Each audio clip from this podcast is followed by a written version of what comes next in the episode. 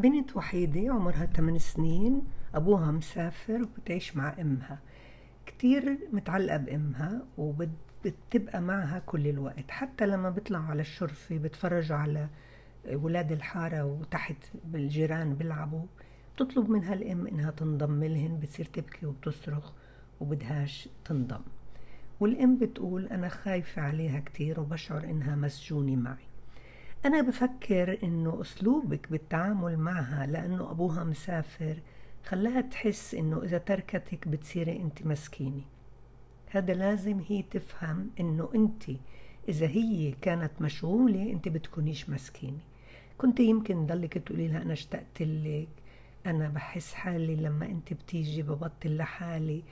أي سلوك أو أي أسلوب كنت تتعاملي فيها معه وهي طفلة معها حست هي يوم ورا يوم إنه هالسلوك إنها تلازمك وتبقى معك هو بحقق لك أنت رغبة إنك أنت مبسوطة عليها وهي بحقق لها رغبة إنه صارت عندها عادي الآن بدك تبتدي بأسلوب جديد. 8 سنين خلص أسلوب الدراما.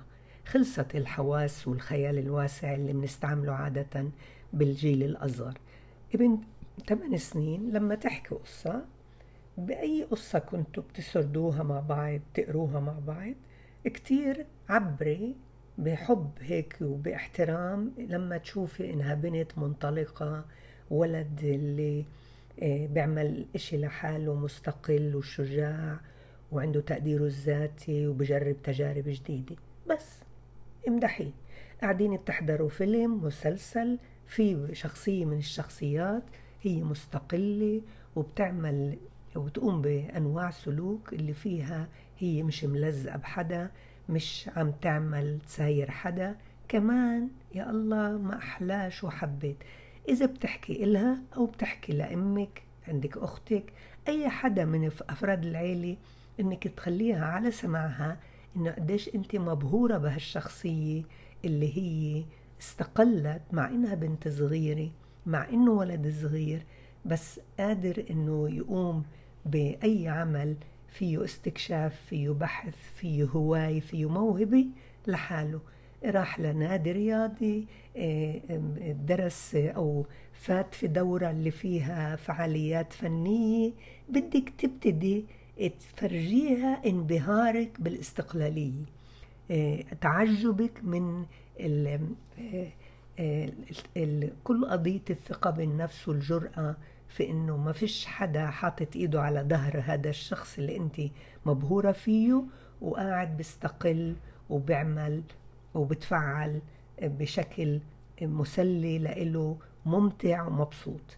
بعدين بدك تفوتيها على برامج لا منهجية في البرامج اللامنهجية هاي بتكوني أنت نقيتي أنت وياها البرنامج لأنه هي بالمدرسة أكيد والمدرسة مليان في فعاليات. لازم تبتدي شوي شوي تفلتي هالرابط اللي بينك وبينها. وما تجربي تقولي لها روحي ما تجربي لأنه بتبكي بتقول وبتصرخ. يعني هي اعتادت على إنه هذا السلوك بحقق لها رغبة إنك أنت مرتاحة أنت مبسوطة أنت مشتركتك وحيدة وهي صارت عادة عندها. فأي فعالية أي برنامج اللي في المراكز الأندية اللي بتخص عمرها في فعاليات مثلا طين إبداع تمثيل مسرح أي شيء بتحبه إنك أنت بتقولي لها أنا بعد بعد شهر من إنك داومتي إنك تمدحي الشخصيات المستقلة اللي شفتيها بمسلسل بقصة بالتلفزيون بفيلم وتكوني متفقة معاها إنه وإذا بتكون في عندها صاحبة اللي ترافقها. أنا بنصح كمان إنه تستضيف وتضيف. هاي زيارات بتساعد على الاستقلالية بتصير هي تفضل البنت صاحبتها وتتمتع معها وتتسلى معها وبتنساكي. بتنساكي لفترة طبعا من الزمن بس هذا كتير بيساعد. بس انت بدك كمان تعوديها على انها تحضر لهالضيف اللي بده يجي آه، نوع أكل هي بتحب تحضرها آه، ألعاب فعاليات.